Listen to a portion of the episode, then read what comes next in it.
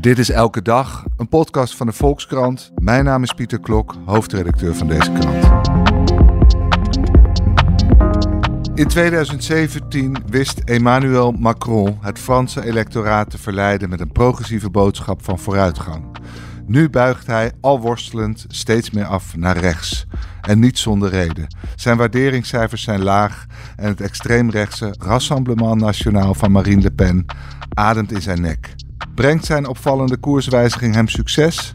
Dat bespreek ik uitgebreid met correspondent Eline Huisman in Parijs en hier aan tafel voormalig correspondent Peter Giezen. Eline, kun je zeggen dat Macron zijn magie helemaal kwijt is? Nou, wat je in ieder geval kan zeggen is dat in de periode dat hij werd uh, verkozen voor het eerst als president, dat hij een enorme sfeer van hoop, verandering, uh, vernieuwing uh, met zich meebracht. En dat gevoel van iemand die het uh, vastgeroeste landschap opschudt en Frankrijk klaarstond voor de toekomst, dat is wel heel erg veranderd. Er is weinig vertrouwen in hem. Er is veel haat, ook onder tegenstanders van Macron. Dat is echt wel heel anders dan een jaar of vijf geleden. En wat je heel duidelijk ziet is dat zijn koers en de toon in zijn koers veel meer is veranderd van uh, de nadruk op vooruitgang naar de nadruk op orde, meer conservatieve waarden.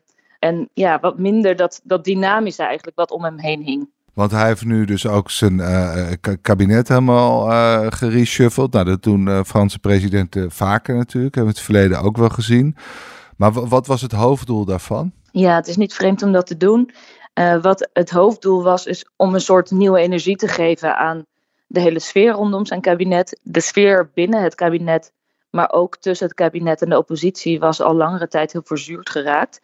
Macron die heeft sinds uh, 2022 geen uh, absolute meerderheid meer in het uh, Franse parlement of de Franse Tweede Kamer. En hij moet daarbij voortdurend op zoek naar steun, wat hij voornamelijk op de rechterflank zoekt. Nou ja, wat heel veel spanning heeft opgeleverd de afgelopen maanden is de nieuwe immigratiewet, waarbij hij inderdaad steun op rechts heeft gezocht, maar daarbij nog steeds kritiek kreeg dat het eigenlijk niet streng genoeg was. En tegelijkertijd op links zijn, steun ook binnen eigen partij uh, steeds verder zag verkruimelen. Langere tijd geleden heb je natuurlijk ook de, de pensioenhervorming gehad, die in Frankrijk zeer omstreden was en die ook uh, uiteindelijk uh, door parlement is geloodst zonder stemming. En dat heeft ook de verhoudingen tussen kabinet en, en oppositie wel op scherp gezet. Dus door een nieuwe regering uh, samen te stellen met een nieuwe premier, hoopt hij toch een soort nieuwe energie te geven. En een, uh, in ieder geval een, een sterk signaal te geven dat er een nieuwe tijd aanbreekt. Maar je zegt eigenlijk de bewegingsruimte is heel beperkt. Als hij, hij, wil naar rechts bewegen, misschien om de steun van rechts te verzekeren. Maar dan dreigt hij weer een deel van zijn linkse achterban te verliezen. Hoe helpt in dat spel een, een kabinet wat, wat toch wat rechtser is van signatuur? Dat, dat kunnen we wel concluderen, denk ik. Ja, zeker. In eerste instantie zag je, of bij het vorige kabinet zag je dat er een soort mix was tussen uh, ministers van de rechtsere signatuur, soms afkomstig uit uh, Le Républicain.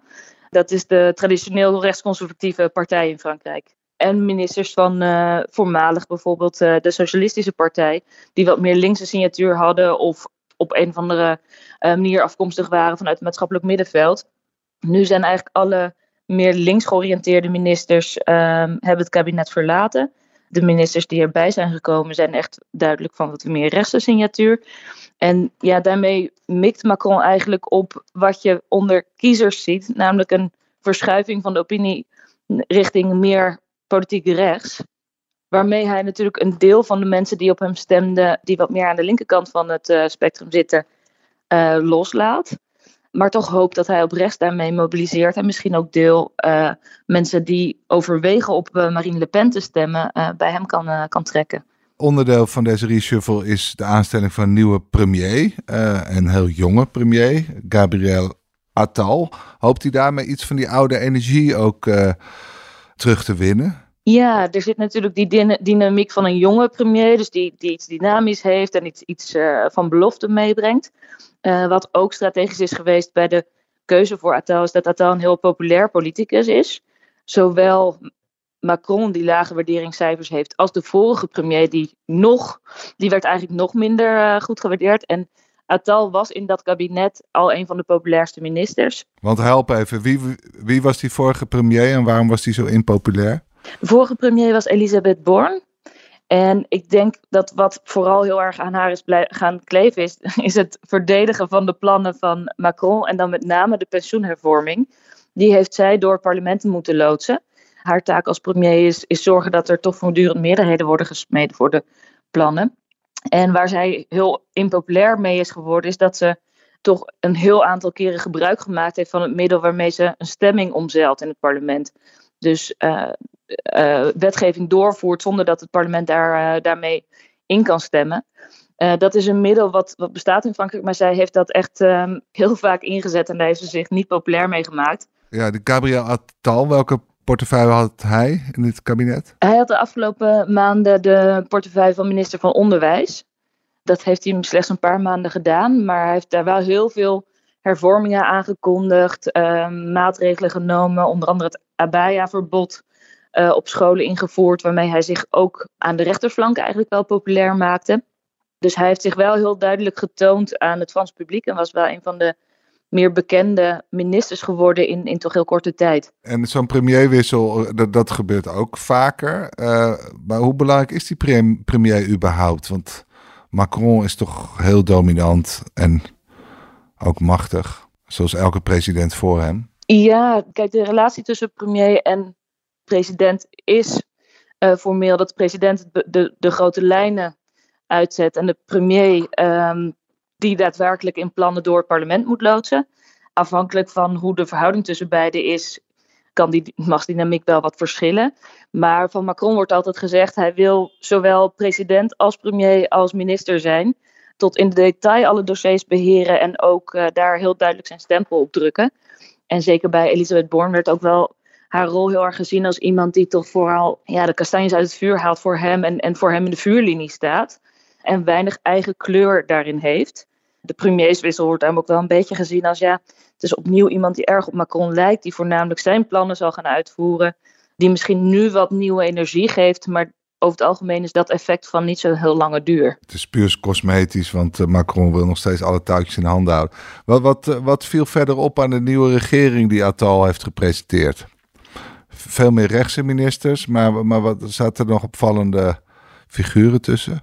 Ja, er zaten zeker opvallende figuren tussen. Je hebt onder meer de nieuwe minister van Cultuur, Rachida Dati heel bekend politicus in Frankrijk, politica moet ik zeggen, is minister van Justitie geweest onder uh, Nicolas Sarkozy.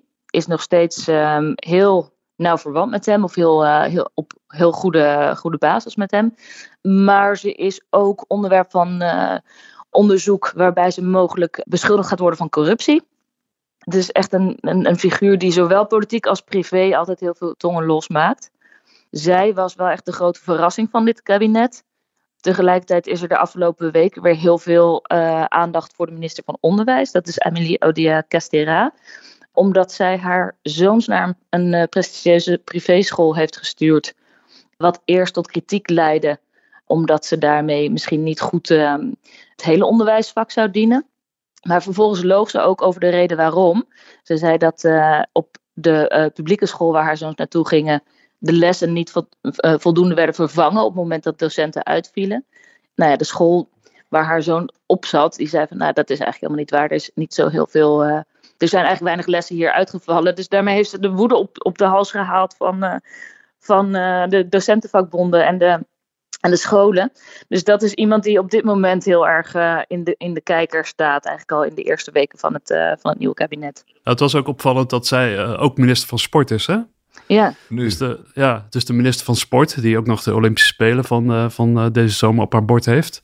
Die uh, ja, wekt direct de indruk dat ze gewoon onderwijs er een beetje bij krijgt. En die indruk wordt versterkt doordat ze haar eigen kinderen al... Nou ja, dat, dat staat er nog los van. Maar het werd door de onderwijsbonden meteen als een enorme belediging opgevat. Ja. Van wij krijgen de minister van Sport. Ja, want Peter, jij was erbij toen Macron voor het eerst werd gekozen. Wat, wat valt jou op aan deze recente move? Ja, dat is toch wel een enorme deconfituur, om dat uh, Franse woord maar eens uh, te gebruiken.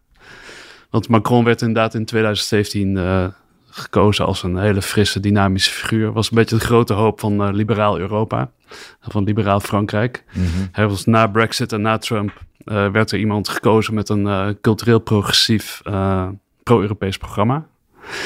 En als je kijkt waar hij uiteindelijk terechtgekomen is, hij heeft onlangs die hele lange persconferentie gehouden die op tv werd uitgezonden. En ehm, ja, daar pleit hij bijvoorbeeld voor experimenten met het schooluniform, verplicht leren van de Marseillaise op de basisschool. Jeetje. En denk van ja, dan, dan ben je toch eigenlijk wel aan het einde van je ideeën gekomen. En dan ben je begonnen als de grote visionair en je eindigt als een soort Sibrand Buma die dan uh, pleit voor verplicht wel op school. Uh, bevolking naar de mond praten en nationalisme ook, de nationalisme kaart spelen. Ja, orde en gezag met name. Maar inderdaad in die Marseillaise eh, zit, zit natuurlijk ook een element van nationalisme. Dat allemaal inderdaad met het, ook met oog op de Europese verkiezingen maar kun je ook nog zeggen, hij heeft pensioenen hervormd, hij heeft een, een, paar belangrijke hervormingen doorgevoerd, dus dat is misschien af. Dus kan hij misschien ook een andere agenda gaan voeren? Eh, nou ja, goed, hij heeft inderdaad een paar van die belangrijke hervormingen doorgevoerd. Dat gaat wel vooral over het uh, liberale deel van zijn agenda. Ja. Uh, maar de hele, ja, de, de, de, dynamiek en het elan, dat is toch wel helemaal weg.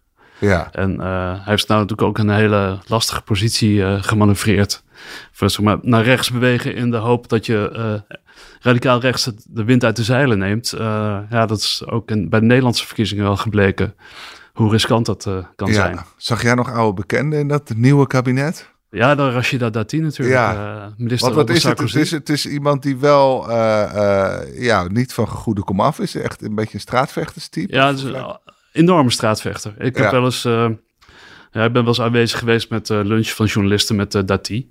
Twee keer zelfs. En uh, eigenlijk het enige wat ze kon doen was afgeven op partijgenoten. Van nou ja, uh, die deugt niet en die is onbekwaam. En nou goed. Dat is helemaal in, de, in ja, inderdaad soort straatvechtersmodel. Uh, maar waar, hoe verklaar je dat ze nu weer terug is? Ja, ik. dat is mij echt een absoluut raadsel. Ik, Op zichzelf, hè, als je naar rechts beweegt, dan kan ik me voorstellen dat je teruggrijpt op Sarkozy, hè, die periode. Ja. En dat die is natuurlijk altijd wel een beetje een doorbraakpoliticus geweest. In de zin dat ze inderdaad van bescheiden kom af is. Ook nog een uh, immigratieachtergrond heeft. Maar om zo'n omstreden iemand uh, in te huren, die inderdaad ook nog beschuldigd is van corruptie. Ja. Dat denk ik, uh, ja. Ook wel wat dat betreft is hij het ook wel een beetje kwijt, krijg je de indruk. Macron, ja. zijn beoordelingsvermogen is, Uh, is uh, minder aan het worden.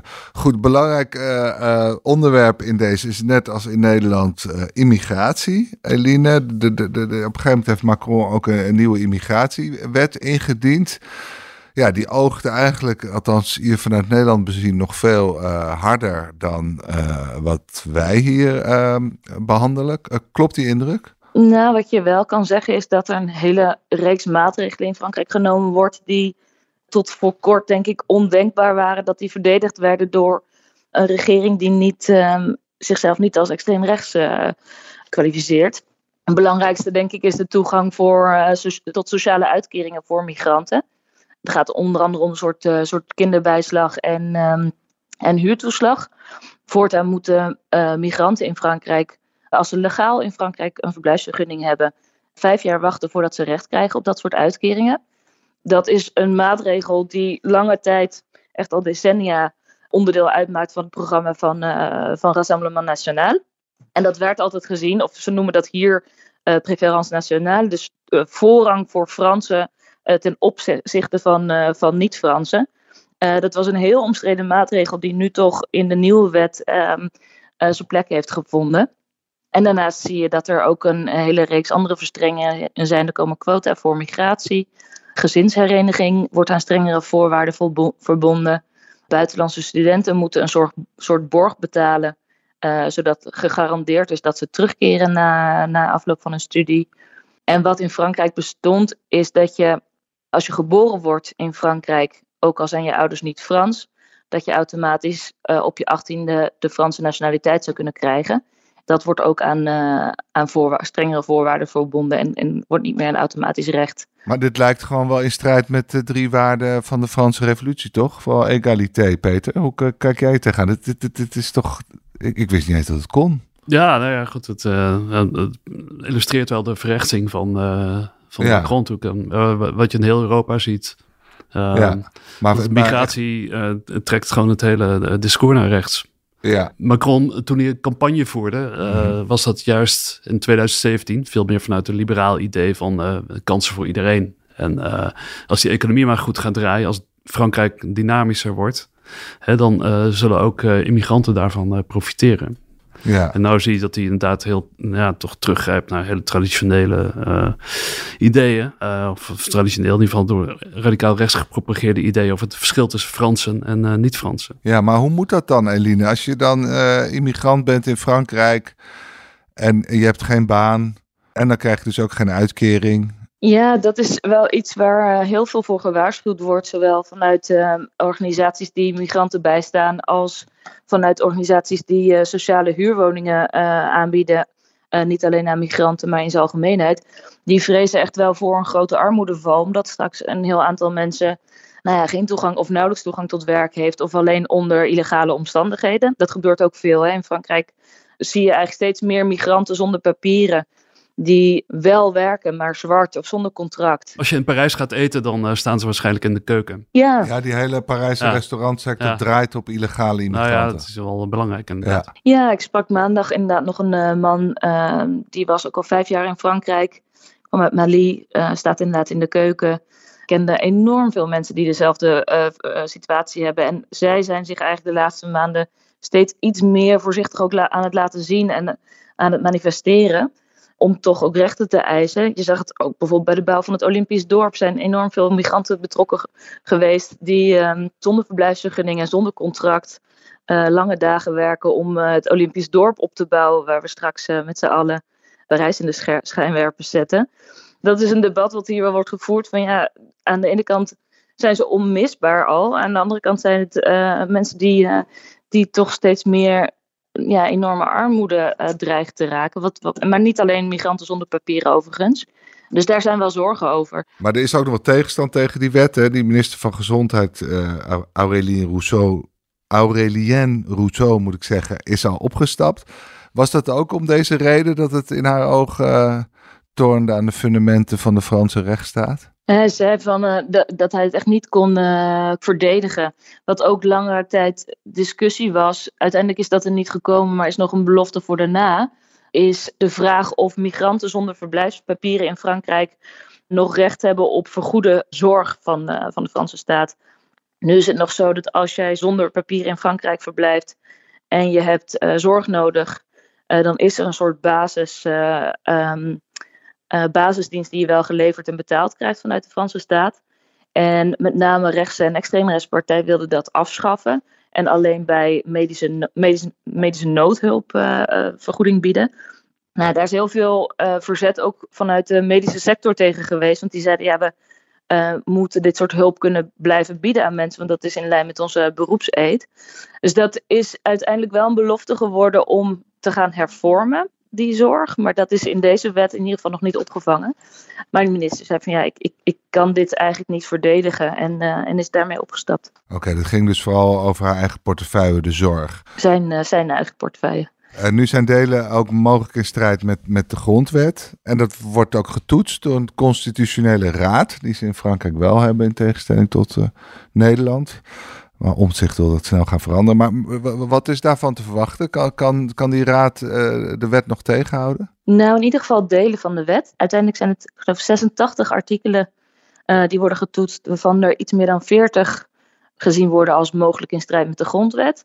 Dat gaat vooral om die bepalingen rond het beperken van gezinshereniging en toegang tot uitkeringen onder meer.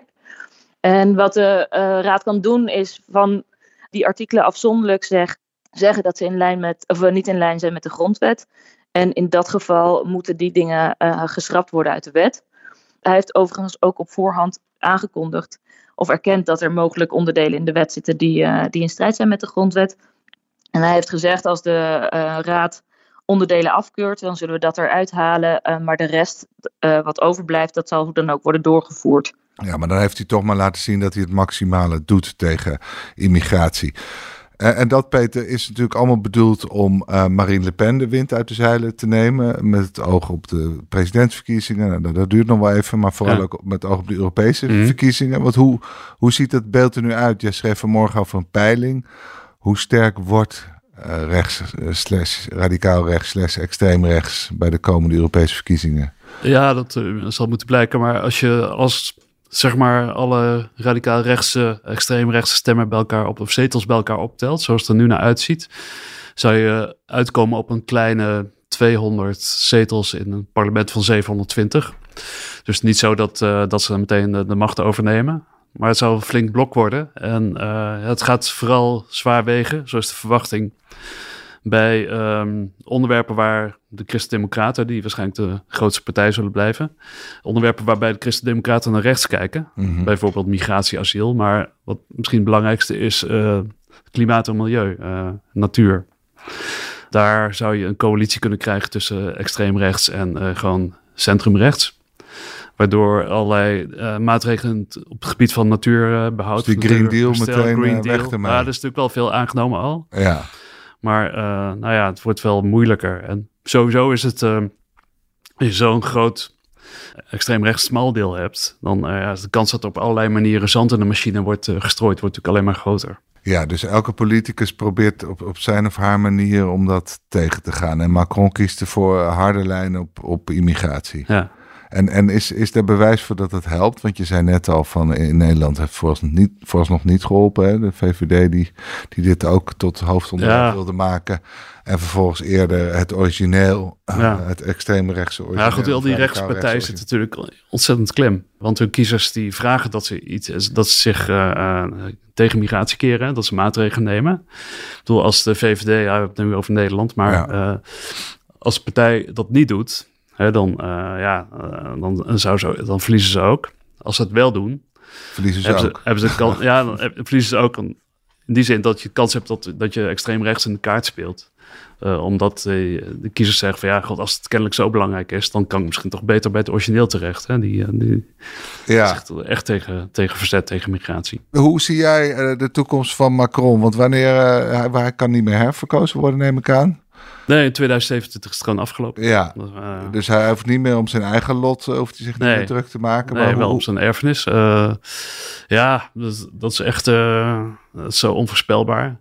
Kijk, die Gabrielle Tal, die nu premier is geworden, dat wordt ook al gezegd, dat zou misschien een opvolger kunnen zijn. Ja, zelf geloof ik daar niet zo in. Ik kan me niet voorstellen dat Frankrijk na Macron nog een keer zo'n soort man zou kiezen. Hè? Dat, dat, dat, komt helemaal uit dezelfde mal. Ja.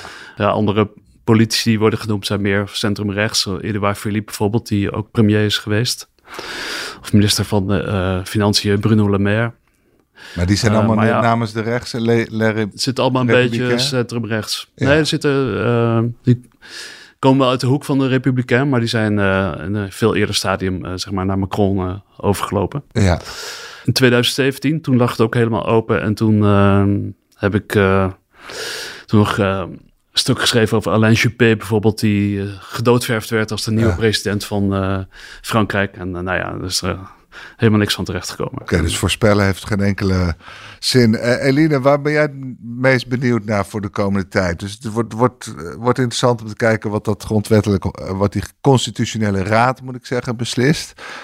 maar zijn er nog andere spannende momenten voor Macron? Nou, wat denk ik nu heel spannend uh, is, is dat uh, net zoals je in Duitsland hebt gezien de afgelopen weken, ook in Frankrijk de boeren zich heel duidelijk uh, roeren met protest. Dat is weer een heel ander onderwerp, maar wel een volgende belangrijke dossier voor Macron en ook de kerstverse minister Attal.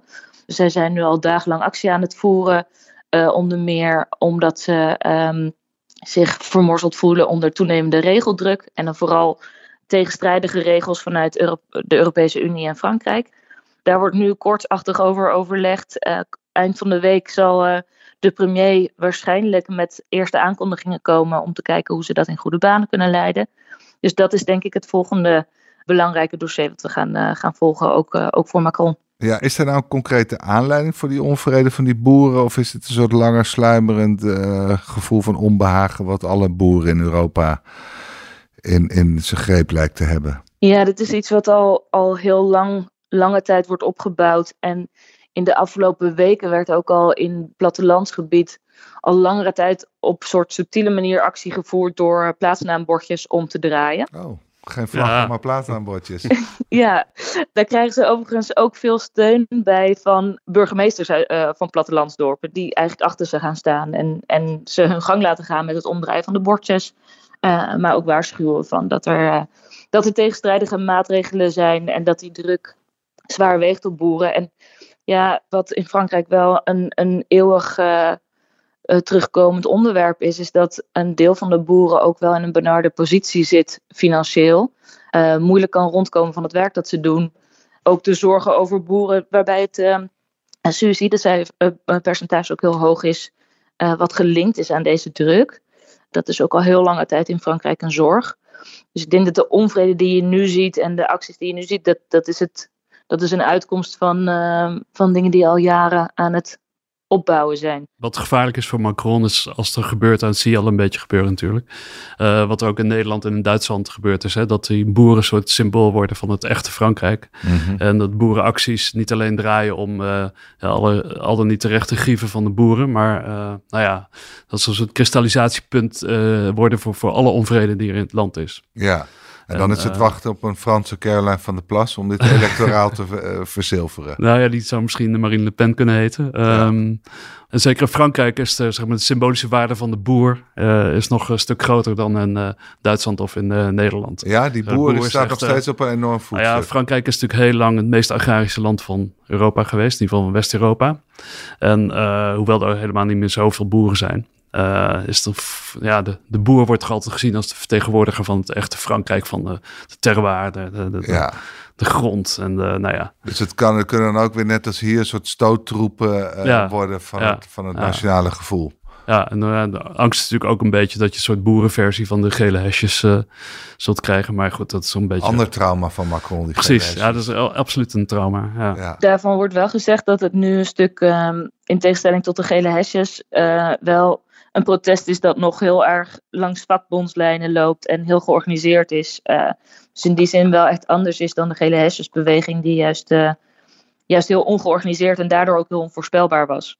En moeilijk mee te onderhandelen. Nog geen Farmers Defence Force van Mark van der ja. Hoever. Sorry, vanwege alle parallellen. Maar uh, mag ik jullie allebei heel hartelijk danken voor deze uitgebreide uitleg. Graag gedaan. Graag gedaan. En u luisteraar, dank voor het luisteren. De Volkskrant Elke Dag wordt gemaakt door Lotte Grimbergen, Rinky Bartels, Julia van Alem, Corinne van Duin, Jasper Veenstra en Nathalie Denis. En wilt u de Volkskrant steunen? Neem dan een abonnement. Dat kan nu voordelig via volkskrant.nl slash podcastactie. Want deze podcast is gratis, maar onze journalistiek is dat niet. Morgen zijn we er weer. Tot dan.